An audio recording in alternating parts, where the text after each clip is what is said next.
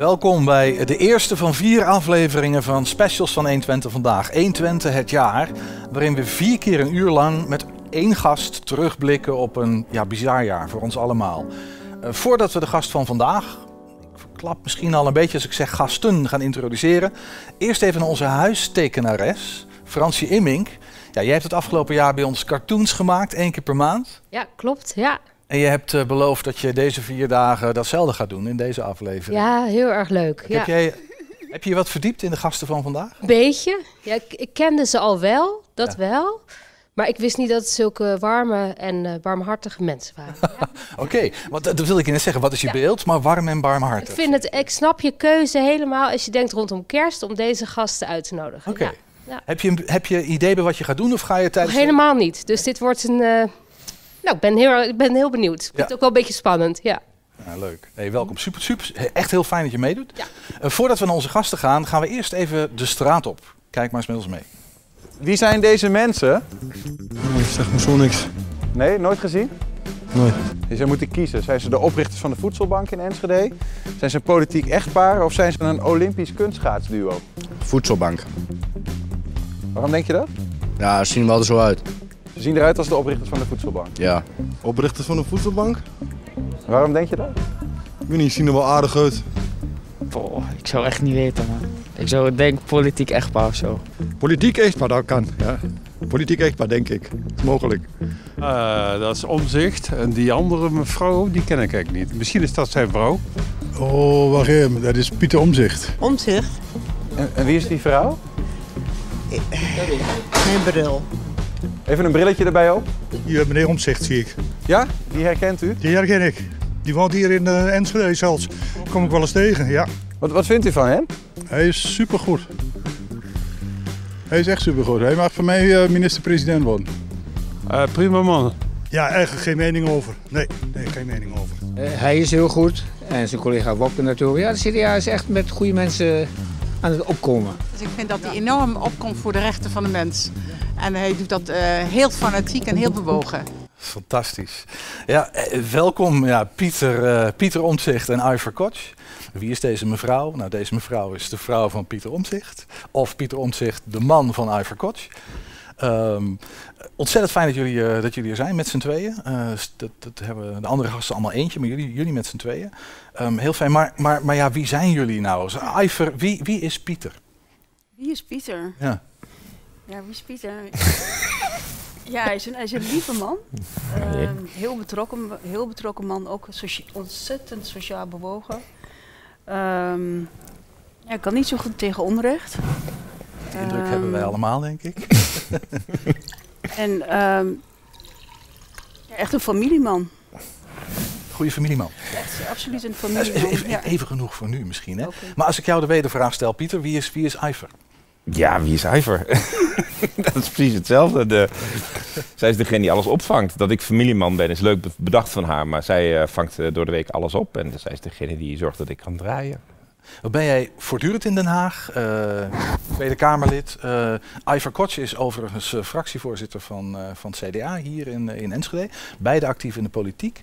Maar jij bent natuurlijk veel van huis.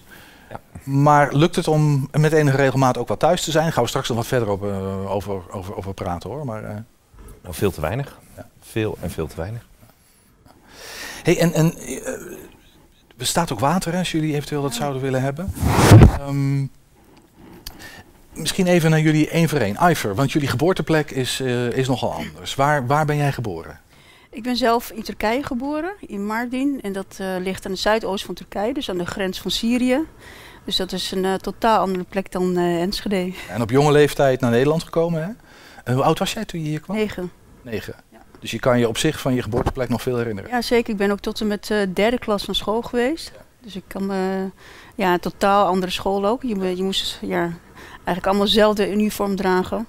Heel streng. Ja, ja. ja. Toen kwam je in Nederland. Maar ja, geen luxe omstandigheid natuurlijk om naar Nederland te komen. Nee, nee precies. En Pieter, waar, waar, waar stond jouw wieg? In Den Haag, in het uh, Bronevo ziekenhuis. Uh, mijn ouders wonen in Wassenaar. En toen we een jaar of vier zijn, zijn we verhuisd naar, uh, naar Borne. En ben ik hier opgegroeid. En ik ben, ja, tussen mijn 4 en 18 heb ik in Borne gewoond. een Hengelo naar school. Voelen jullie je verbonden? Even, even een vraag voor jullie allebei. Voelen jullie je verbonden met deze? Ja, dat kan daarnaast niet anders. Verbonden met deze streek, maar Nou ja, zij, zij woont hier langer dan ik. Eh, ik ben hier, eh, ik ben daarna tien jaar weg geweest. Naar Italië, naar Engeland, naar Denemarken.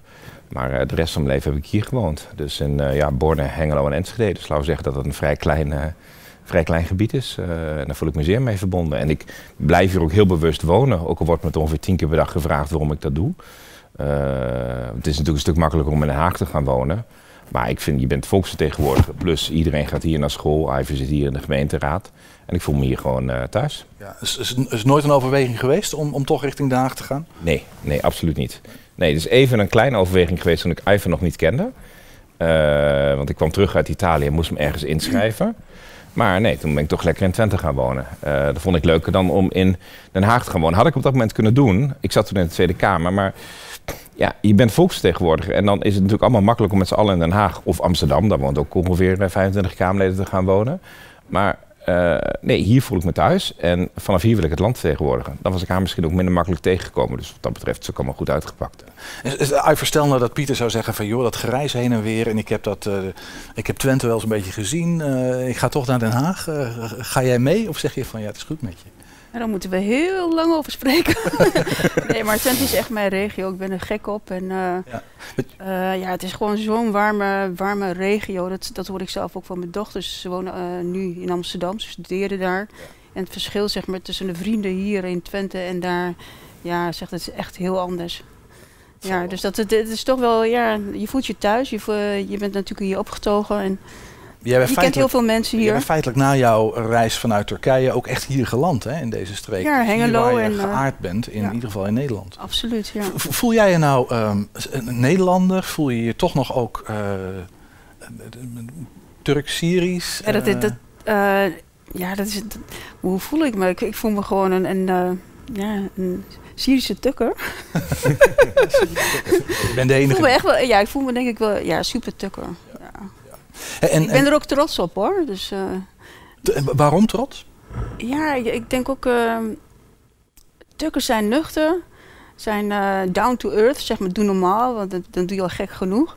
En daar hou ik wel van. Eh, en hard werken en, eh, ja, en een beetje op de achtergrond, dus dat, Ja, dat harde werken, dat, eh, dat, dat is jullie ook niet vreemd, eh, kan ik me zo maar Ja. voorstellen. Maar, maar jij hebt hier je opleiding gedaan hè, in deze Ja. omgeving. Wat, wat heb je gedaan? Ik heb hier eh, bestuurskunde gestudeerd aan de Universiteit Twente. En inmiddels ben ik weer gaan studeren aan de VU in Amsterdam. Wat doe je nu? Ik doe nu zeg maar postdoctorale studie voor, eh, ja, voor controles bij de overheid. Dus echt, eh, ja, je- dan moet je denken aan financieel, ja, financial controller eh, bij een gemeente of bij een ministerie. Waarom ben je die studie gaan doen? Eh, Ja, dat is ook wel een beetje mijn achtergrond. Dus ik heb binnen bestuurskunde heb ik ook wel financiële, financieel management gedaan. Mhm. En eh, ja, weet je, mijn hart ligt wel bij de overheid. En ik wilde me graag ja, verder ontwikkelen. Dus misschien ga ik over een paar jaar weer een andere studie doen.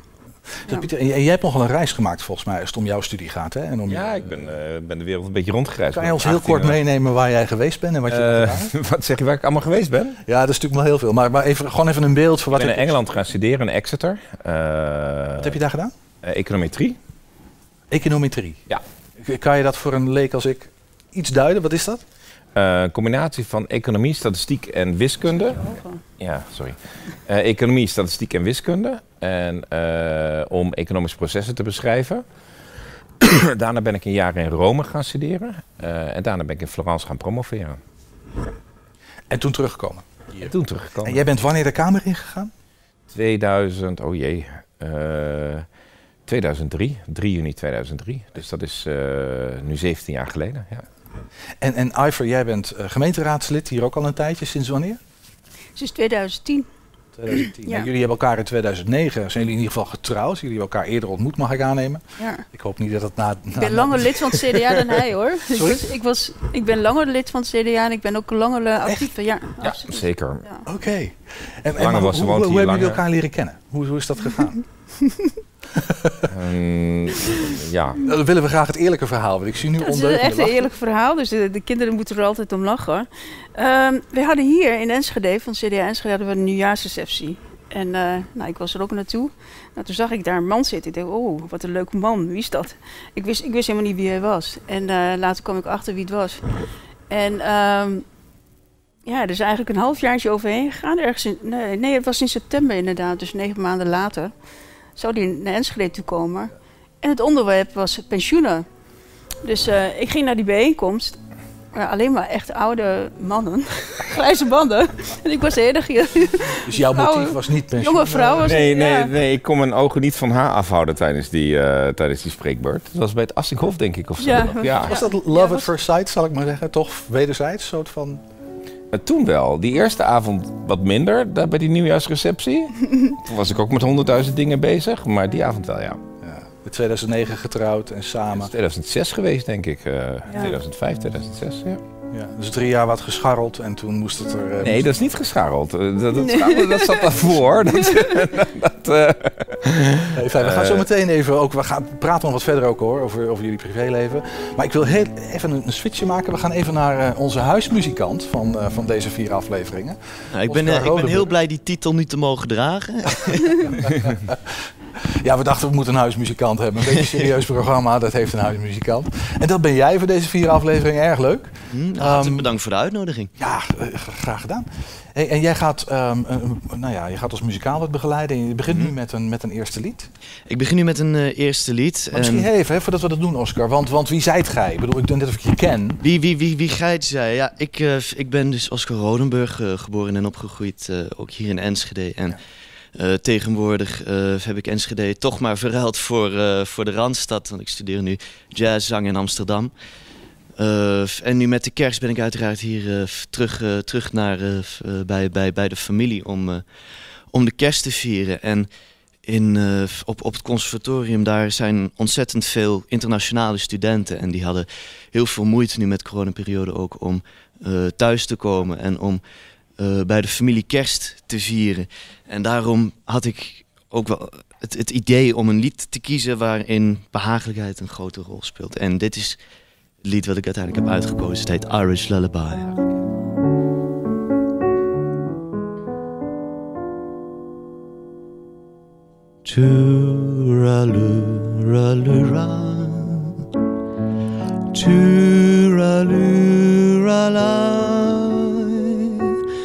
Tooraloo-ra-loo-ra. Hush, now don't you cry. Tooraloo-ra-loo-ra. Tooraloo-ra-la. Tooraloo-ra-loo-ra. That's an Irish lullaby. Over in Kirlani, many years ago, my mother sang a song to me in tones so sweet and low. Just a simple little ditty in her good old Irish way. And I'd give that song of hers today. Tooraloo-ra-loo-ra. Tooraloo-ra-la. Tooraloo-ra-loo-ra. Hush, now don't you cry. Tooraloo-ra-loo-ra. Tooraloo-ra-la. Tooraloo-ra-loo-ra. That's an Irish lullaby.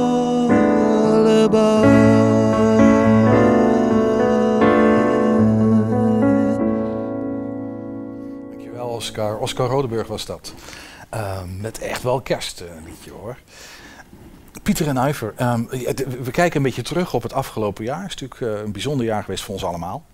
Een bizar jaar zou, je- zou je wel kunnen zeggen, maar ja. Je zegt, ja. Dat, Ja. eh, Ja. Zeg je? Ja, dit, eh, dit jaar is wel heel bijzonder geweest. Bijzonder.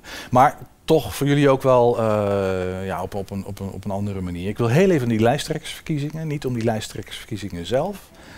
Graag even doorpraten over het volksvertegenwoordigerschap, zeg ik. Maar, maar toch even, die, ja, die lijsttrekkersverkiezingen was toch wel bijzonder. Eh, en zeker voor ons hier in Twente. Nou ja, je zag het net al in, dat, eh, in, die, in die Foxpop, hè, dat, dat de video. Dat, dat, ja, het valt op. Mensen eh, zien dat wel zitten. Ehm, en, en- en misschien even, dat is toch een bijzonder moment geweest voor jullie. Ja. Nee, maar het was ook heel bijzonder. Ik bedoel, eh, eh, ik moet zeggen, het was een. eh, ik vond het zelf wel een hele leuke periode. Eh, een heel bewogen periode. Want eh, ja, je, zag gewoon de energie binnen de partij tijdens die lijsttrekkersverkiezingen.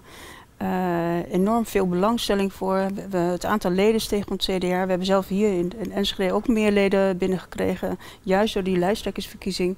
Dus er was een enorm ja, dynamiek was er ontstaan. Het was, dat was heel leuk om mee te maken. En wat, wat je ook zag is, bij de bijeenkomsten die werden georganiseerd, waren echt zoveel jongeren. CDA wordt heel vaak geassocieerd met ouderen. Nou, dat was totaal niet. Dus dat gaf heel mooi dynamiek, vond ik zelf. Voor dat je daar sowieso blij mee bent. Hey, en, en, en toen eh, stapte Hugo de Jonge terug en kwam eh, Wopke Hoekstra eh, nam het over. En ik moet eerlijk zeggen dat toen het bericht hier binnenkwam, dat Wopke Hoekstra zijn lijsttrekkerschap inleverde, werd er hier over de redactie geschald Pieter for President. dat is weer vergelijkbaar. Hè? Dat is toch wel een sentiment dat speelt. Dus in die zin ben je heel erg populair, eh, Pieter. Ja, eh, het, het- het was ook een wat rare lijsttrekkersverkiezing, ook voor mezelf. Ik heb pas op het aller, allerlaatste moment eh, besloten om mee te doen. Eens, eh, echt gewoon secondes voor de deadline. Was dat iets waar je heel lang over nagedacht hebt dan toch? Dat, dat je ineens Nee, nee, want- een knoop door? Of... Nee, want ik ging ervan uit dat de partij iemand zou gaan aanwijzen. En daar ging trouwens de rest van de partij ook vanuit. Ik geloof dat de partijvoorzitter ongeveer de hele partij verbaasd heeft met ik ga een lijsttrekkersverkiezing uitschrijven. En toen ging hij in één neerzetten in, in Den Haag en in Volendam en in Rotterdam. Toen dacht ik van ja, maar hallo, dat kan ook hier in Enschede. Eh, hoezo denk je dat we dat zo doen? En eh, toen ging Wopke niet, want hè, in dat eerste filmpje deed hij net alsof Wopke kandidaat was. Nou, Wopke bleek dus geen kandidaat te zijn. En toen dacht ik, ja, maar dan eh, stel ik mezelf voor een kandidaat. En is het gewoon aan de leden om te bepalen wie ze lijsttrekker willen maken. Was jij verrast dat je, dat je zover kwam? Of, of dacht je van nou, Nou, gaande de race werd ik minder verrast dat ik zover kwam. Op het moment dat je zelf kandidaat stelt, heb je natuurlijk geen idee wat je draagvlak is. Want je kunt niet de halve partij rondbellen en zeggen van steun je mij? En dan op het laatste moment me terugtrekken. Dus op een gegeven moment was het gewoon van ja, ik ga het gewoon doen. En dan zie ik daarna wel eh, waar het schip strandt. is, is dat een beetje hoe jij bent ook? Dus van ik duik er maar in en ik zie wel wat er van komt? Eh dat heb ik aan jou vragen. Ja, je zit er al aan. Nou ja, ik, soms wel. Soms eh aarzel ik heel lang en dan duik ik erin. En hier heb ik heel lang, nou ja, heel lang geaarzeld. Ik bedoel, ik, heb, ik had ook maar een week om na te denken. Het kwam, die lijsttrekkersverkiezing kwam voor jou uit de lucht vallen. Ik wist het één uur eerder. Want ja, de, de interne app heb ik dan nog wel. Maar, Maar jij denkt veel sneller dan ik natuurlijk, dus ik moet daar even... nou, over andere dingen wel. Maar over mezelf vind ik het altijd heel lastig om na te denken. En ook om te kijken of je eh, lijsttrekker wordt. En, eh, hey, en dan, dan even, want dat is toch voor mij wel even een klein, een klein soort raadsel. Want ik dacht van ja, Pieter, nummer 2, met 1% stem, stemmen, 285 stemmen verschil, heb ik me laten vertellen. Dat is natuurlijk dat minimaal. weet, nou, minder, het is minder stemmenverschil als het aan mij ligt hoor. Maar dat is weer een ander verhaal. Oké, ja, ja, goed. Ja, ik, ik ga nog steeds vanuit dat ze iemand anders gestemd heeft. Maar dat, eh, Ja, dat raadsel dat hangt nog steeds een beetje ja, lucht, raadsel eh, hangt nog steeds ergens. Ja, hoe zat dat?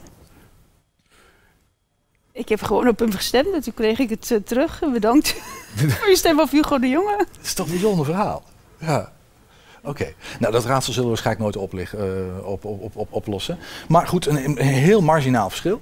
En dan stapt Hugo de Jonge terug. Ja, het is natuurlijk logisch dat er hier op de redactie geroepen wordt... eh, Pieter voor president. Van dat zal dan wel vanzelfsprekend eh, de, de eerstvolgende worden. Maar dat is toch niet. niet Nee, dat zijn niet de statuten. De statuten zijn dat dan het bestuur iemand eh, kan, kan vragen. Right. Toen is er binnen het CDA discussie geweest waar ik uiteindelijk, wat ik al zei, ook het feit dat, dat Wopke toen niet meedeed, was voor mij ook een reden om het, eh, om het op deze manier te doen. Eh, en Wopke was toen al de hè, ik zei ja van als ik, eh, als ik win, dan is Wopke de vicepremierskandidaat, dan is dit de logische volgorde. Ik heb er wel even over nagedacht. Dus zoals je gezien hebt, is het niet binnen, binnen een half uur dat ik naar buiten trad van zo doen we dat. Dan denk ik ook even na van, joh, hoe, eh, wat is hier nou de Ja, fatsoenlijke maar heel veel bedenktijd heb je dan natuurlijk ook niet. Zo, hé. de druk is er altijd in Den Haag. Er Ja. moet altijd onmiddellijk besloten worden. eh, Gisteren moeten besluiten over iets dat morgen gebeurt, hè, of zoiets. eh, ja, en dat zie je nu Ik, bij ik heb me wel zitten afvragen eh, in, in, in dat hele proces van, ehm, ben je nou, en dat, het, is dat een beetje een vraag voor jullie allebei in zekere zin wel, ben je nou toch meer een volksvertegenwoordiger of een bestuurder? Nou, dat zou dan de keus zijn natuurlijk. Tot nu toe volksvertegenwoordiger. En ik had ook gezegd, als lijsttrekker blijf ik in de Kamer zitten. Omdat ik me meer volksvertegenwoordiger voel. En ik gewoon ook, ook een beetje echt een hekel aan heb hoe iedereen zo snel mogelijk naar dat plus rent. Wanneer ze kunnen, dan sprinten ze naar het vak K om daar in de dienstauto rond te gaan. Terwijl ik, ja, ik wil dingen veranderen in dit land. En dat zie je bij die toeslagenaffaire, dat zie je bij Malta, dat zie je bij het pensioenstelsel. Daar ligt mijn hart. En ehm, ik vind En ook dat maar zou- zou je niet het idee- ondergewaardeerd is. Zou je niet het idee hebben dat je, want als, als, als bestuurder heb je natuurlijk het nodige. Stel je minister, of, eh, dan kan je toch ook het nodige bereiken. Zeker, dat kan. Maar zie je jezelf, is, is, is dat denkbaar? Dat, dat Dat is zeker denkbaar, maar ehm, het, is niet, eh, het is niet van ik moet per se minister of staatssecretaris worden. Ik wil een paar dingen bereiken. En ik ben nu ook artikelen aan schrijven, en er komt nog wel meer aan binnenkort, over wat ik vind dat er in Nederland moet veranderen. Want ik denk dat de crisis van de rechtsstaat waar wij in zitten veel groter is dan wij op dit moment denken. Ik bedoel, als je je 30.000 ouders tussen de wielen kunt laten belanden en het kost mij jaren om dat boven tafel te krijgen, nou dan wil ik nog wel eens weten wat er bij de jeugdzorg, bij de schuldhulpverlening, bij de WGA of bij de hele politieketen, probeer eens aangifte te doen en kijk eens hoe vaak iemand veroordeeld wordt, wat er dan nog verder eh, eh, niet schort aan de rechtsstaat Nederland. En dat is mijn opdracht. En mijn opdracht is helemaal niet om dat vanuit een bepaalde positie te doen. En ik zit daar dus ook heel ontspannen in. En ik moet eerlijk zeggen dat de vraag die jij stelt, die stelt ongeveer iedereen de hele dag. Omdat, omdat ze zich dat in Den Haag niet allemaal kunnen voorstellen. Omdat men een soort idee heeft, er is een trap en een volksvertegenwoordiger is toch een lagere trap, zullen we maar zeggen, dan een staatssecretaris of minister. Terwijl ja, ze hebben me echt wel voor staatssecretaris gevraagd hoor. Maar ik heb echt die, eh, die, die, die, die, die beker lekker voorbij laten gaan. Ja. Eh, naar mij mijn contro- controlerende taak maar doen. En denk dat ik de dingen die ik nu bereikt heb als volksvertegenwoordiger soms makkelijker kan bereiken met het karakter dat ik persoonlijk heb, dan dat ik per se in dat kabinet zou zitten. Ik zou er ook grote moeite mee hebben om aan de Rutte-doctrine te voldoen. En dan met z'n allen de informatie gaan achterhouden voor de, voor de Kamer. Ik zou er diep ongelukkig van worden, joh. Ja. Nou, dat was een beetje waarom die vraag bij mij ook, eh, bij, Ja, maar dat is een eh, hele logische vraag, ja. Hey, en, en- maar jullie zijn allebei volksvertegenwoordigers. En, en ja, goed, wij, wij We willen wisselen hoor. Ik wil graag oppositieleider worden. Graag, eh, Ah, jij wil liever op... wil graag best- ja, nou, dat, dat denken ze bij het, in het kabinet toch wel dat ik dat ben. Dus dan kan ik het ook maar meteen weten worden. Eh, Ja, het is wolf in schaapskleren, zou ik maar even zeggen. Maar, maar jij bent ook een soort, soort ehm, ja, een volksvertegenwoordiger. Ja, weet je, is, ja. is bestuur iets voor jou of zeg jij, ik voel, ik voel me toch ook echt primair volksvertegenwoordiger? Nou, weet je, ik, ik, ik, eh, ik- op dit moment ben ik volksvertegenwoordiger. En ik vind dat het een hele eh, ja, dankbare taak. En eh, daar, daar ga ik ook 300% voor. En ik zie het ook in die rol, zeg maar, als volksvertegenwoordiger. Als een bestuursfunctie zou, zou ik in een andere rol zitten. En ehm, ja, ik... ik ehm, als, als volksvertegenwoordiger betekent ook dat je inderdaad... eh, vergeet niet, hè, er hebben heel veel mensen op je gestemd. En, en ik voel die verantwoordelijkheid om, om ook echt wat te bet- kunnen betekenen voor die mensen. En dat, en, en dat gevoel heeft Pieter precies hetzelfde voor Waar komt dat vandaan bij jullie? Want dat, dat, volgens mij verbindt jullie dat heel erg. Is dit gevoel voor rechtvaardigheid en eh, die samenleving zou moeten deugen eigenlijk. En daar wil ik, daar wil ik aan, aan, aan, bijdragen. Ja, misschien rechtvaardigheid inderdaad, maar ook die barmhartigheid, solidariteit. Misschien om een klein voorbeeld te noemen. We zijn, wij zijn naar, een aantal scholen geweest om te kijken, scholen voor onze kinderen. Mhm. En we gingen ook zeg maar bij, ja, hoe heet die, eh, privéschool of de privéschool, eh, de elitaire school. Ja, Enschede, ESV zijn we ook geweest. Ja. En ja, ik, ik denk, ja, ik ga daar ook even kijken. Even kijken hoe het is. Ja, we hebben een rondje gemaakt. We hebben de directeur gesproken. En ik heb aan het eind tegen hem gezegd... Ja, ik voel me hier niet prettig bij. En waarom Ik niet? vind het een te, te elitaire school. Ik vind dat mijn kinderen met iedereen moeten kunnen omgaan... en midden in de samenleving moeten staan. De- Daarom zeg ik ook al, tegen heb ik ook altijd tegen mijn oudste kinderen gezegd... ga in de supermarkt werken, want daar kom je iedereen tegen... en daar leer je ook met iedereen om te gaan. En dan weet je ook wat er speelt in de samenleving. Heel even voor mijn begrip, want jullie zijn... ehm, waren jullie allebei al volksvertegenwoordiger toen jullie elkaar leren kennen? Nee, hè? Ik wel. Ja, jij wel, maar jij nog niet. Ik En nog niet-. Is Pieter daarin een, een, eh, een inspirator geweest, zou ik maar Zij even was, zeggen? eh, zij was Nee. campagneleider. Campagneleider toen. Ja. Ah. En ik werkte nog bij de gemeente Enschede als ambtenaar. Ja.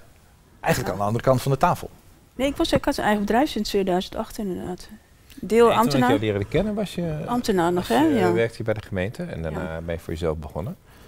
Ehm, nee, maar die drive. Ik bedoel, ik, ik vind het een normale drive. Als je politicus bent, dan doe je dat toch om mensen te vertegenwoordigen. En ik zie alleen maar dat we met systemen de hele dag bezig zijn. dat, dat, dat zeg jij, maar eh, ik heb ook wel eens het beeld, en ik, volgens mij ben ik daar niet eh, de enige in, dat, dat, dat ook dat een, ehm, ook een, nou, jij gaf het net al zelf aan, een beetje een race naar de top is ook soms, toch? Eh, dus dat die drive om het beter te maken voor mensen, ik weet niet of dat altijd de primaire drive is. Of Nou, ben ik het is mijn primaire drive. Als je het niet erg vindt, ga ik niet bij mijn collega's zeggen wat hun primaire drive is. Daar ga ik ze niet op afrekenen. Maar het is mijn primaire drive om te kijken van, werkt dat pensioensysteem? Hoe zit dat met dat sociale zekerheidssysteem? Is de belasting een beetje eerlijk? En ehm, is, is wat de overheid doet nog een beetje begrijpelijk?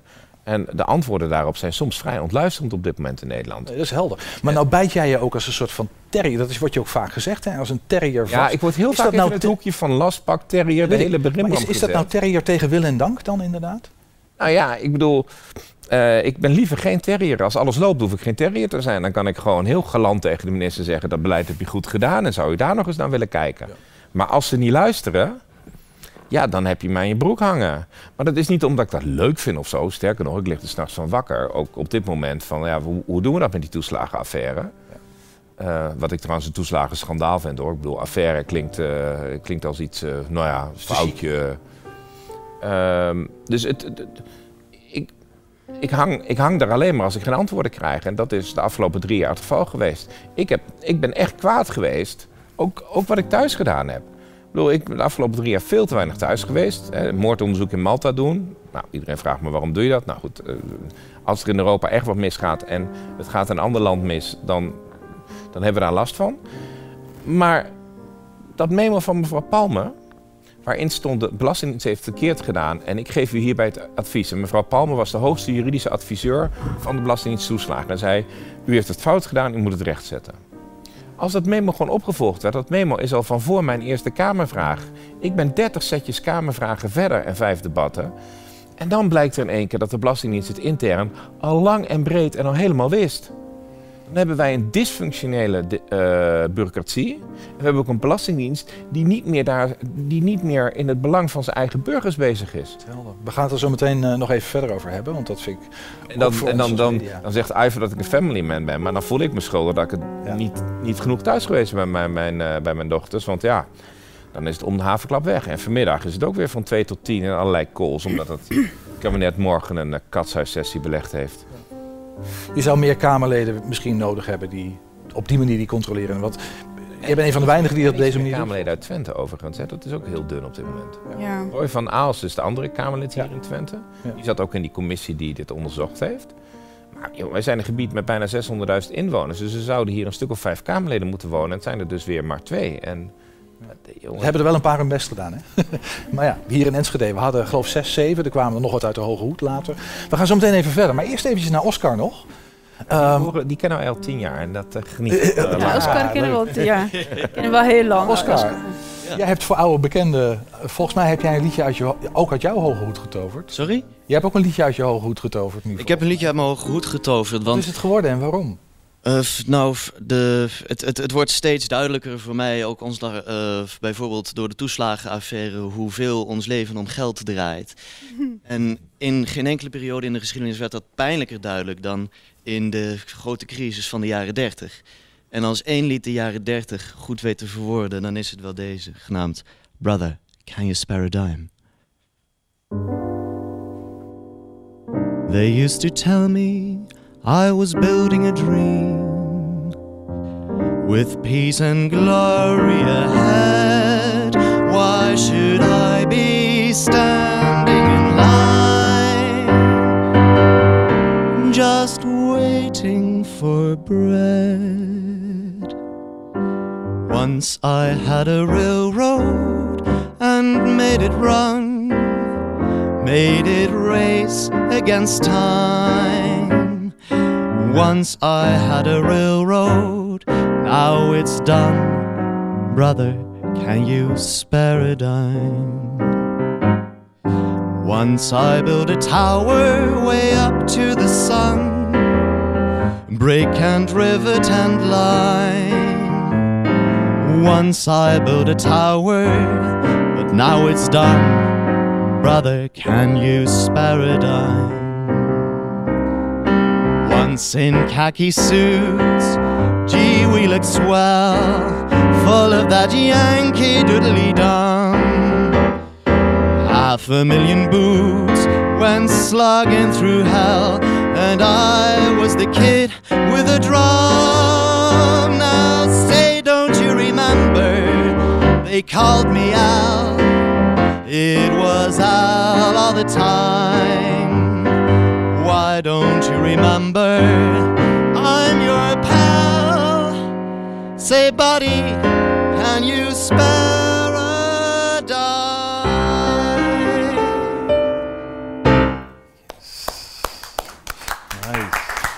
Mooi hoor. Dankjewel, Oscar. Even, waar, waar kennen jullie elkaar van? We kennen elkaar al tien jaar, zei je net, Pieter.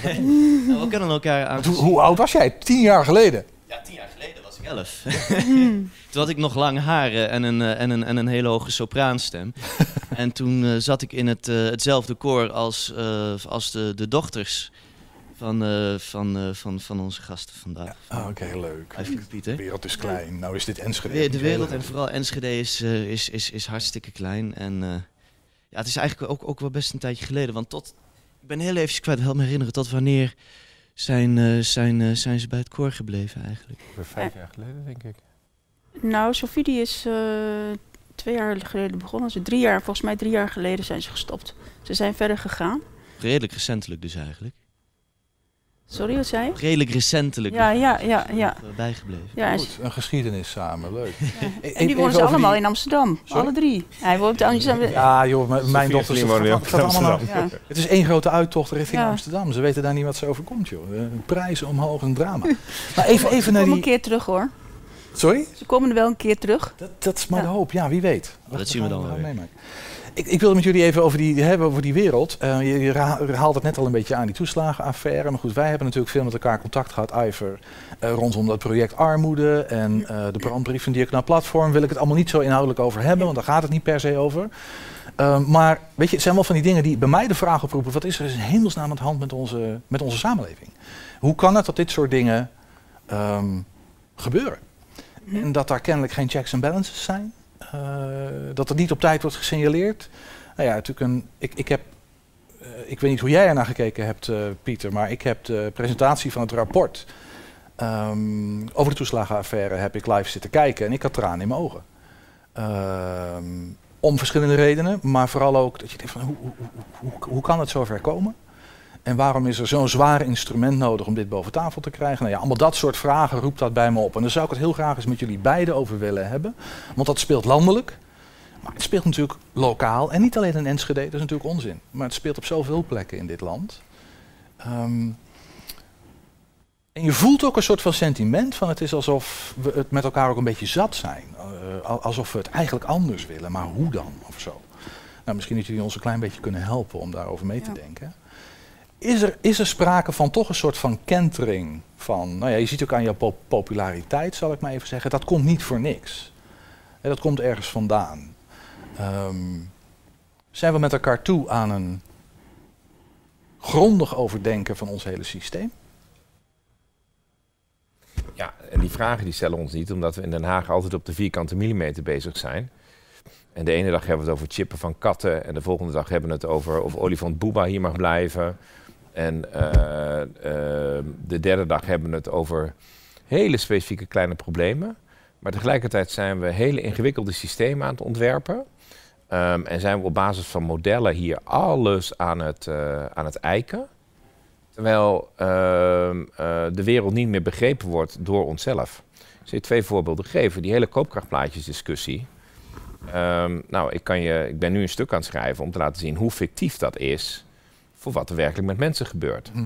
Als jij de koopkrachtplaatjes moet, eh, moet geloven, dan gaan we al 30 jaar lang vooruit. Nou, ik zeg je, het was 30 jaar geleden een stuk eenvoudiger om bijvoorbeeld als alleenverdiener met een modaal salaris rond te komen. Zeg, een van de twee werkt en de, als, nou, noemen ze een modaal beroep, een, een, een, een leraar op de basisschool. Hè, dat, is, dat is een bovenmodaal salaris, vergeten mensen vaak. En ehm, daar hoef je nu niet meer van te proberen met z'n tweeën. Nee. Dus, eh, Zeker niet als je ook nog een huis wil kopen, weet je. eh, Ja, een hui- huis kopen, eh, dat is onmogelijk met, met één salaris. Ehm, Je zegt het is, het, is, veel te ingewikkeld geworden. Er is een soort gedrocht ontstaan. En we hebben het niet over het gedrocht, maar steeds over kleine dingetjes. Steeds over kleine dingen. En we, en we letten dus niet op het grote beeld. En daarbij raken mensen steeds, steeds vaker verdwaald. En dat raken ze verdwaald in het toeslagenstelsel. Ze raken verdwaald in het uitkeringenstelsel. Proberen ze bij het UWV te zitten. Ehm, soms raken ze verdwaald bij de gemeente. Ehm, en het interessante is, wij zijn er meerdere keren voor gewaarschuwd. Als je bij het regeerakkoord kijkt, dan is de formateur, Herman Tjeek Willing, 75, maar haarscherp. Mhm. Had hij nog even drie pagina's geschreven aan het eind van zijn formatieopdracht. Let u op dat u hier technocratisch bezig bent en dat u de gewone burger verliest. Iedereen zei, oh ja, dat klopt. En ging gewoon door. Niemand sloeg daar acht op. De nationale ombudsman die zegt, ik, het is, u bent niet de, de, de, zeg maar de analfabete Nederlanders aan het kwijtraken. U bent een hele grote groep geletterde Nederlanders die gewoon een, een, een, een, een MBO-opleiding afgemaakt hebben, bent u aan het kwijtraken, die afhaken omdat het systeem niet meer werkt voor hun. Kijk, dat iemand met een bepaalde beperking enige hulp nodig heeft, kijk, dat snappen we allemaal wel. Dat is niet erg, hè? Maar het is zo, we hebben het veel te ingewikkeld gemaakt. En dan, ehm, ja, in mijn, in mijn beleving hebben we dan ook nog vaak een klassensamenleving ingevoerd. Dus een multinational die krijgt een contactpersoon en wilt u een ruling bij de Belastingdienst, krijgt u een ruling. Een alleenstaande ouder met een kinderopvangtoeslag, No die, die, die mag de belastingtelefoon honderd keer bellen en krijgt nooit antwoord op de vraag waarom de stukken niet aankomen. Het is heel normaal dat die multinational, dat vaste contactpersoon, dat ga ik niet afnemen hoor, maak je niet druk. Ik bedoel, dat, maar er is iets in Nederland waarbij de fundamentele evenwicht wat er in die samenleving moet zijn, en dat dus niet in gelijkwaardigheid, ik ga niet naar een communistische samenleving toe, is weg. Evenwicht tussen burger en overheid, evenwicht tussen bedrijven en burger. En, ehm, En tegelijkertijd zitten jullie precies in die rol natuurlijk. Jullie, jullie zijn de volksvertegenwoordigers, zal ik maar even zeggen. Hè? Eh, kijk ook even naar jou, Iver. Want jij maakt dat natuurlijk ook mee. Ik bedoel, dat, het is nu het middelpunt van, van een discussie hier in Enschede. Ja. Eh, Rondom gewoon mensen die, die, die een beetje vermalen raken in de wielen van, eh, Ja. van, van, van een systeem, van een technocratisch systeem. Ja. Ehm, goed, jullie zitten daar op die controlerende, aansturende rol. En hoe kan het nou dat, want die signalen zijn er natuurlijk wel, hè, dat dit speelt en dat dit gebeurt. Ehm, dat is nooit nieuw. Signalen, toeslagaffaire, nou, dat is natuurlijk bekend, maar hier in Enschede precies hetzelfde verhaal. Er zijn signalen overal. Gaat niet goed. Mensen Mhm. raken vermalen. Ja. Hoe kan het nou dat die signalen dan onvoldoende ehm, daar terechtkomen waar ze terecht zouden moeten komen en leiden tot een verandering? Ja. Zeg maar. Heb jij daar Nou, wat, wat mijn analyse is, we hebben natuurlijk ontzettend ingewikkeld gemaakt. Dus eh, we krijgen inderdaad eh, wetgeving vanuit het Rijk opgelegd, waar met name ook op geld gestuurd wordt. Eh, efficiëntie, doelgerichtheid. Nou, echt Een beetje zo toch neoliber- eh, een, Neoliberale, neoliberale samenleving? Ja. Ja. Dus daar wordt heel erg op gestuurd. En er wordt niet nagedacht over de uitvoering.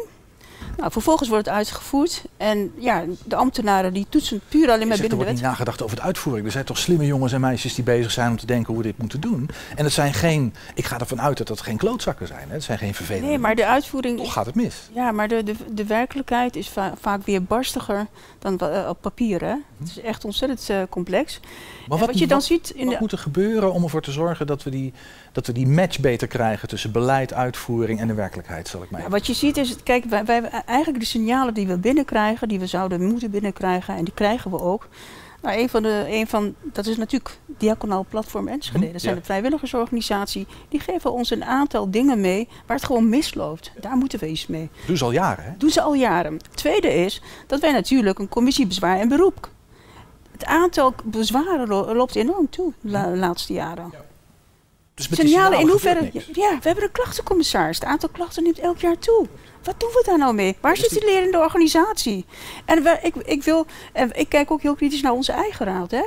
Wat doen wij vervolgens met al die signalen? Gaan wij het beleid aanpassen? Op een bepaald niveau hebben wij die bevoegdheid niet, want het moet echt op rijksniveau veranderd worden. Maar op een bepaald terrein hebben we die bevoegdheid wel. In hoeverre hebben wij ook het leiderschap om samen ook die dingen echt aan te pakken? Dus wat dat betreft was ik afgelopen donderdagavond heel blij dat we echt de stappen eh, hierin hebben kunnen maken. En ik hoop dat we daar ook in verder, eh, ja, verder kunnen doorgaan. Nou, nou is het natuurlijk zo dat, want dat is, een beetje, dat is een beetje mijn zoektocht. En misschien Mhm. onze alle zoektocht wel. Hè? Van, van hoe krijgen we het nou voor elkaar dat dat zelfrijdende pijnigend vermogen van onze samenleving, zeg maar, dat dat groter wordt. Ehm, jullie zijn allebei, jij zit in de Kamer, jij zit hier in de, in de Raad. De Kamer is niet één lichaam, hè, dat is een enorm politiek spel. Je moet maar net een meerderheid krijgen om iets voor elkaar te krijgen of niet. Wat hebben jullie nodig als volksvertegenwoordigers om, ehm, om ervoor te zorgen dat die signalen niet alleen bij jullie op het bureautje komen, ehm, maar dat ze ook eh, daar komen waar beleid gemaakt wordt, waar iets gebeurt? Wat, is er, wat, wat, wat, wat zou aanvullend nodig zijn? Jij bijt je als een terrier vast in dossiers, dat moet dan, noodgedwongen. Wat, wat, wat er nodig is, is dat ehm, er een aantal dingen nodig. A, is dat soms denk ik dat we weer terug zijn in 1863. Voor de eerste eh, sociale wetten. Dat, eh, dat op dat moment nota bene de Leidse fabrikanten aan, aan de Staten-Generaal echt smeken van doe iets aan die fabrieksarbeiders, daar zitten kinderen te werken. En die Staten-Generaal, de heren, Tweede Kamer dus. met hoge hoeden, die hadden niet eens door wat er zich afspeelde in een deel van Nederland. En soms denk ik dat we daarin teruggekomen zijn. Dat we een soort, dat de ontzuiling ertoe geleid heeft dat je zo'n dadige standen heeft dat, nou ja, op school is het gesegregeerd. Ehm, vroeger had je nog de kerk en de voetbalclub binnen je eigen cel, maar die is ook weg. En dat er dus een groep in Den Haag zit die eigenlijk hier nooit last van heeft en dat ook nooit echt aan de lijve ondervindt.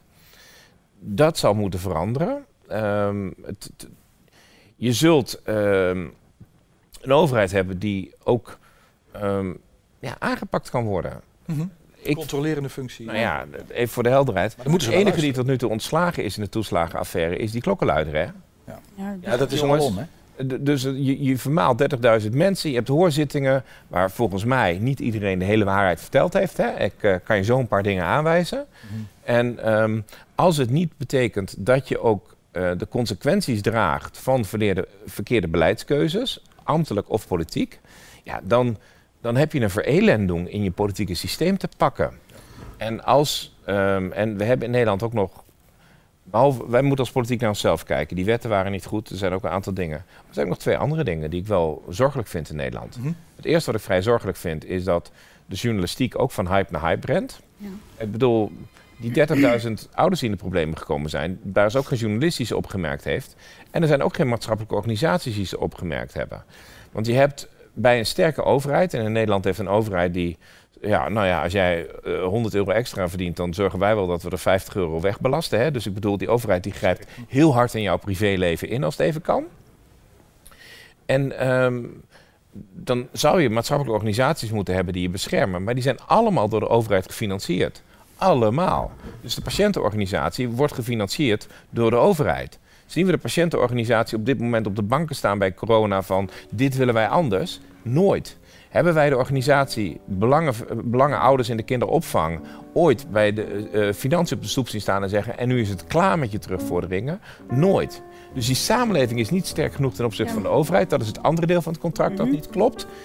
En ja, ehm, er, er moet iets fundamenteels veranderen.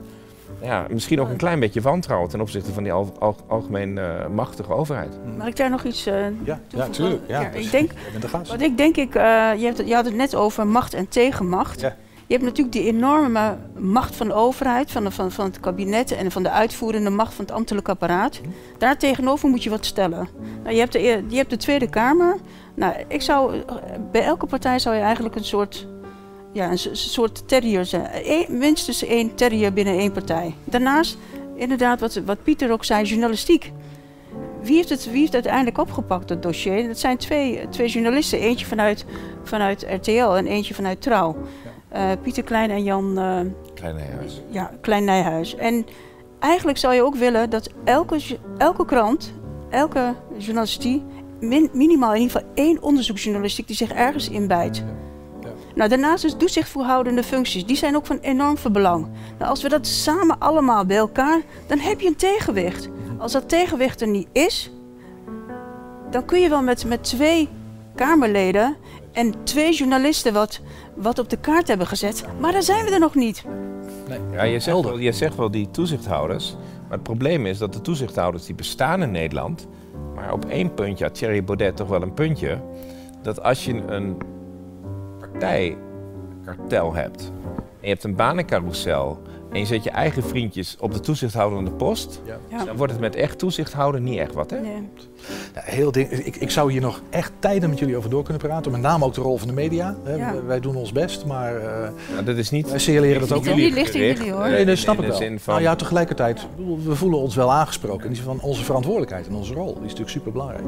Maar we gaan. Jullie zijn ja, de waakhond. We hebben maar een uurtje en, en we, hebben, we hebben nog wat andere leuke dingen te doen.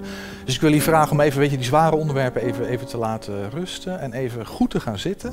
Oh. Even stevig, fasten your seatbelt. Gaan we heel even naar een videootje kijken. Zo, die Oh. hebben niet aankomen, hè? Nee, maar even serieus. We hebben gezien dat het een echt een heel erg heftig jaar voor jullie is geweest. We hebben ook gezien hoe keihard jullie hebben gewerkt. Dit hebben we wel zowel voor als achter de schermen kunnen meemaken. En we zien ook wat het met jullie heeft gedaan. En omdat jullie eigenlijk altijd er zo erg voor andere mensen zijn en mensen altijd zo erg helpen, dachten wij om jullie niet eens in het zonnetje te gaan zetten. Door te vertellen hoe trots op jullie zijn, door middel van dit filmpje. De komende tijden zullen natuurlijk ook niet makkelijk zijn. En zul je zeker niet stilzitten, want verkiezingen komen eraan. Maar weet wel dat wij als familie en ook als team echt volledig achter jullie staan. En dat we er gewoon samen een mooie tijd van zullen maken. Ja, en ehm, we gunnen jullie ook de rust met elkaar, eh, want dat verdienen jullie ook.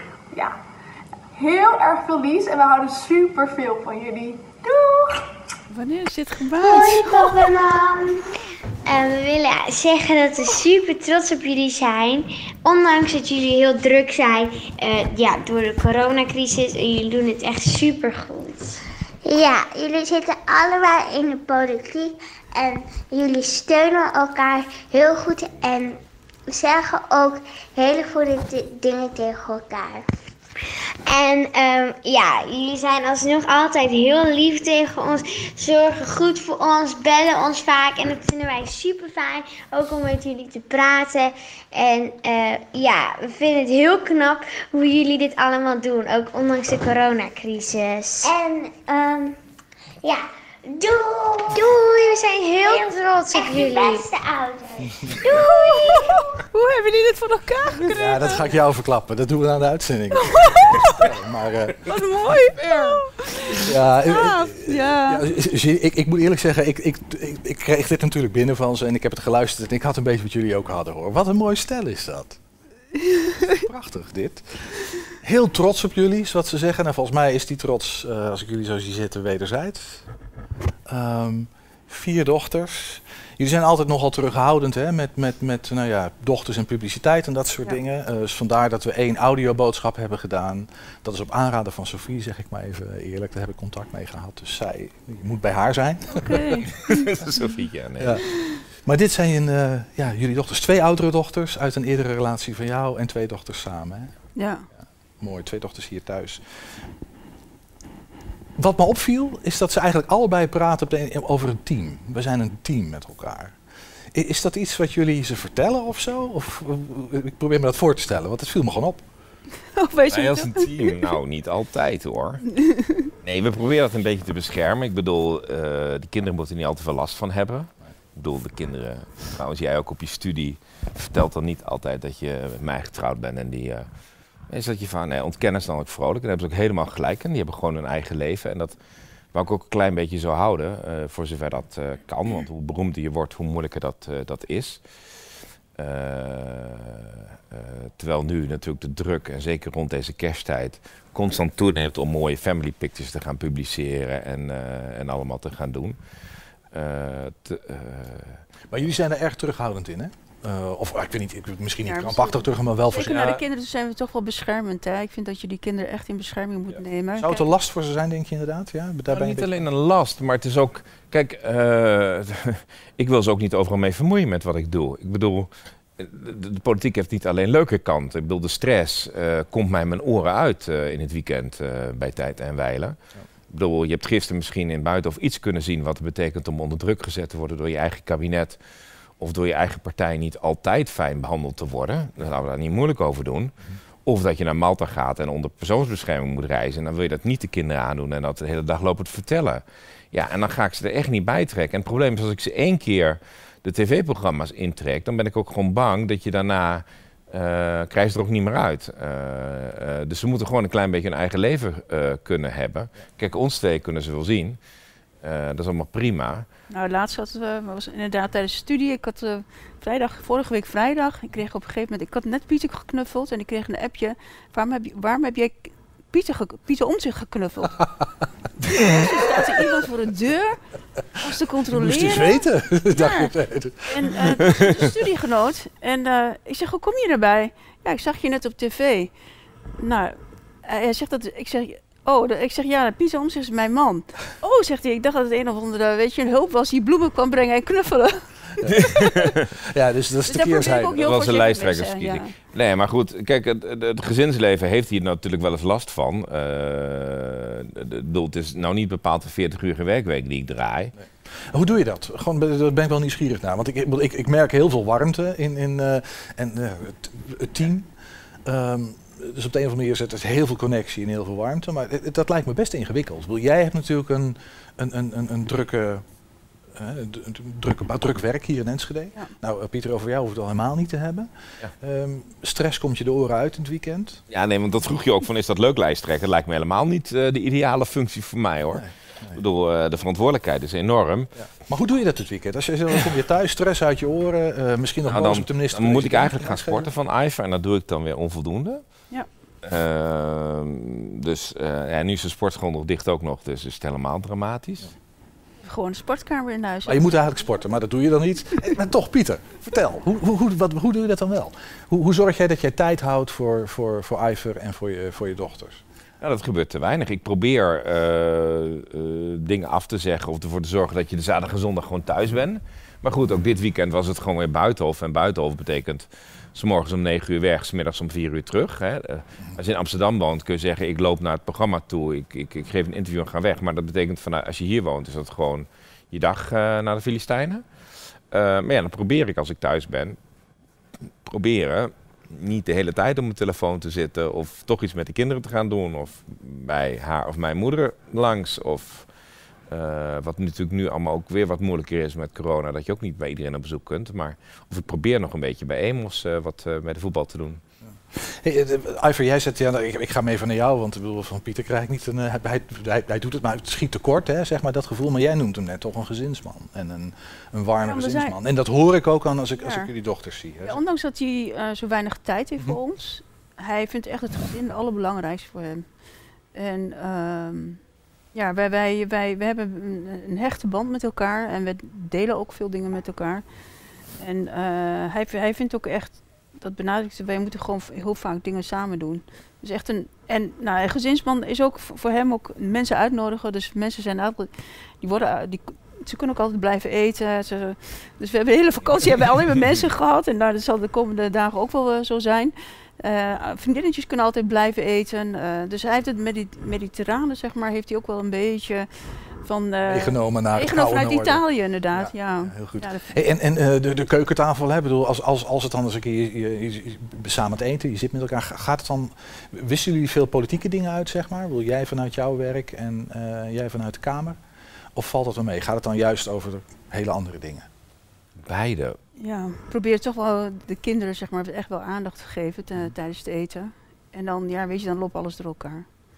Dan moeten we ook heel erg lachen om dingen die gebeuren dan in de politiek. En dan, eh, ja, dat, Dan, eh, Gaat van... dat, dat, eh, en de kinderen zijn, ja, weet je, die, die volgen het ook allemaal zelfs, de twee kleintjes.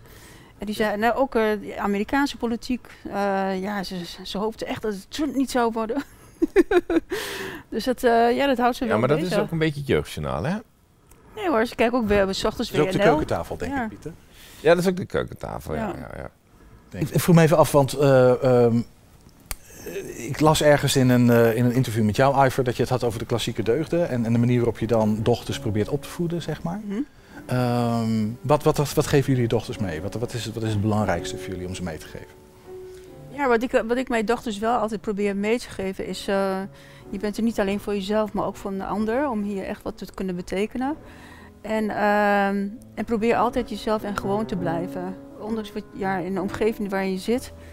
Altijd eh, ja, ook correct te zijn naar anderen, eerlijk te zijn. Ehm, en wat ik ook wel belangrijk vind is... ehm, ja, zet je talenten in. Dus het, eh, eh, je, krijgt hier alle, je krijgt hier alle mogelijkheden en maak daar gebruik van. Ik wilde er dus nog één vraagje dat me, dat me een beetje op de. Dat ik, van die, die wil ik nog even, dan gaan we dit stukje afronden. Uh, maar ehm, Pieter, jij bemoeit je niet erg met Enschede en met de Enschedese situatie. Is dat een bewuste keus? Ik heb al een paar keer jouw vragen willen stellen, maar dat wimpel je elke keer af. en Uh, heel af en toe doe ik het. Dus ook waar dat uh, iets landers betreft, zoals bij Vredestein. Ja. Maar ik vind het wat lastig om hier met iets te bemoeien dat, dat ook door de raad besproken kan worden. Want dan, bedoel, ik kan me met de rest van Nederland uh, goed genoeg bezighouden om niet ook nog met Ivers werk bezig te zijn. Nee, precies. Dus daar, daar, dat, daar maken jullie toch een duidelijke rolscheiding? Ja, ja dat toch ja, wel. Dus Ivers domein en uh, daar blijf jij buiten in principe. Ja, dat, dat lijkt me wel zo verstandig, ja. Ja, ja. kan ik me ook voorstellen. Hey, dank jullie wel. We gaan um, langzaam richting een afsluiting, maar nog niet helemaal natuurlijk. Want uh, wij hadden een tekenares in het begin van de, van de uitzending. Oh, hoi. Ja. Wat is het geworden? Ja, toch wel iets warms. Ik uh, kon het niet heel erg laten om er iets heel erg uh, gemeens of zo nou spotprenterig van te maken. maar ik, uh, nee, dus ik heb, uh, ook voor de radio natuurlijk, ik heb, ik, ik heb het echtpaar op de bank getekend met een kerstboom daarachter. Het is toch wel de kerstgedachte. En met mezelf, terwijl ik naar hun kijk en dan zeg ik, wat is dit verfrissend. Volksvertegenwoordigers die werkelijk het volk vertegenwoordigen. Uh, en dat blijkt dus ook gewoon vanuit Twente te kunnen. Want dat is iets wat me echt bij dit gesprek is bijgebleven.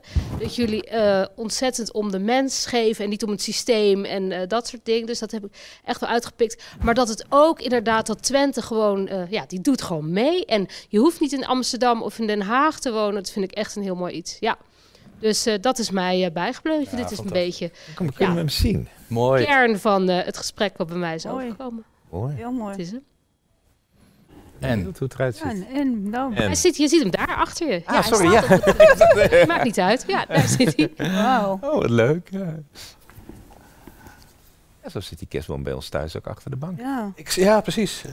Oh, de kerstboom bij jullie thuis achter de bank. Ik, ik zat even te denken, ja, misschien, ik, denk dat Frans hem jullie gunt. In eh, A3-formaat uitprinten en boven de bank hangen. Zo. Ben je er blij mee? Ja, wat Ja. leuk. Ja, ja, ja. Tof. Een leuk compliment, want het is wat te proberen. En het is leuk als dat goed overkomt. Ja. Hey, we, gaan nog een keer de straat op. Ehm, En een aantal dat, mensen... dat, dat dat gewoon vanuit Twente te kunnen, dan moeten wij in Twente wat minder... moeilijk over doen. Ja, hoezo zouden wij iets slechter of beter kunnen dan in Amsterdam? Nee, geen enkele reden voor. Nee, nee, volgens mij klopt. We gaan even de straat op nog Ze een zijn inderdaad. Eh, als u, u ze een kerstboodschap zou eh, meegeven, wat zou dat dan zijn? Gezondheid. En dat de coronacrisis een eind vindt. Oh, ja, gezondheid. Ja, de beste wensen en gezondheid. Tegen hun allebei eh, gewoon doorgaan en volhouden. Hè? Laat je niet zwart maken. Laat je je niet kapot maken in de politiek. Gewoon doorgaan. Blijf ambitieus. Hij had, hij had eigenlijk eh, de lijsttrekker van het CDA moeten worden. Nou, zijn vrouw ken ik verder niet, dus die wens ik het allerbeste. En Pieter zou ik zeggen van, nou, ga zo door. Omzicht, eh, blijf, eh, blijf jezelf en, eh, en blijf vooral doen waar je mee dit jaar mee, ga volgend jaar verder waar je dit jaar mee bezig was. Want dat- dat doet hij erg goed. Mooi, we gaan nu echt naar een afsluiting toe. Nou, mooie wensen van mensen op straat voor jullie. Ehm, wat zou jullie wens zijn als je nou kijkt naar het komende jaar? We kijken even vooruit, een heel jaar achter ons, stoom uit je oren, van alles gebeurt. We gaan zo meteen de grens over. En wat zouden jullie, en graag even Iver, misschien jij als eerste. Ja, wat zou jij ons allen willen wensen? Ik hoop dat het echt 2021 eh, een verlichtend jaar zal worden. Waarbij iedereen echt wat meer licht zal zien. Al die mensen die zeg maar die hun, die hun naast hebben verloren. Die hun werk hebben verloren. Een bedrijf hebben ver- verloren. Eh, nou, denk hier ook hier lokaal aan Vredestein. Ehm, eh, ja, ik hoop dat, dat het echt 2021 ehm, ons in ieder geval wat meer licht en gezondheid en vreugde biedt dan 2020. Dus wat ons betreft mag 2020 zo snel mogelijk afgelopen zijn. Ja. Ja, dat wordt ook wel een keer tijd, ja. Nou ja, het eind aan de coronacrisis zou wel fijn zijn, ja. dat, eh, en is een wat een... ehm, En is wat herstel van de rechtsstaat. Die twee dingen. Ben je nou vermoeid, Pieter? Ik ben dodelijk vermoeid. Ik, bedoel, ik heb al dagen niet geslapen. Ehm, dus elke avond. Dat is het enige echte nadeel van Twente. Het ligt mijlenver van Amsterdam. Dus als je bij op één s'avonds thuis komt, dan kom je om twee uur s'avonds thuis. En dan probeer je toch weer om zeven uur op te staan. En ik heb eigenlijk eerst nog een paar dagen gewoon slaap nodig. En dat is gewoon doorgegaan. En ik dacht dat eindigt afgelopen donderdag. En dan heb je toch nog een tv-uitzending, nog een tv-uitzending. nou, nou, nou. En nu allerlei overleggen vandaag. Dus ik ben eigenlijk helemaal kapot. En dat zie je nu. En eh, ik ben wel aan vakantie toe. Ja, snap ik. en dat zie je, ja. Ik maar kan waarom dan toch hier? Sorry. dat Heel is, fijn eh, dat je toch hier hebt willen aanschuiven dan, jullie allebei. Nou, leuk om te doen en ook leuk dat jullie dat eh, privé gedaan hebben. En ik hoop dat 2021 inderdaad gewoon... Ja, dat we elkaar een beetje meer kunnen ontmoeten. Ja. Want eh, dat, eh, dat, dat is wel eh, niet zo lekker in deze tijd. Mag ik jullie ontzettend bedanken voor jullie eh, aanwezigheid en eh, voor jullie openhartigheid. Ehm, ik wens jullie ook het allerbeste voor het komende jaar. Iets meer rust misschien. Tegelijkertijd, ja, transformatie heeft soms ook tijd en energie nodig. Ehm, we gaan er tegenaan, ook wat dat betreft. Wij doen mee. Dankjewel. Dankjewel. Ja. Ehm, voordat we helemaal gaan eh, afsluiten, nog even heel kort.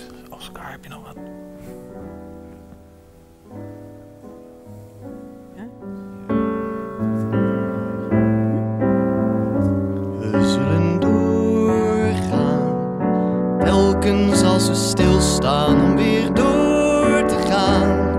Naakt in de orkaan, we zullen doorgaan, we zullen doorgaan. Tot we samen zijn, we zullen doorgaan. Als niemand meer verwacht dat we weer doorgaan. In een mateloze nacht, we zullen doorgaan, we doorgaan.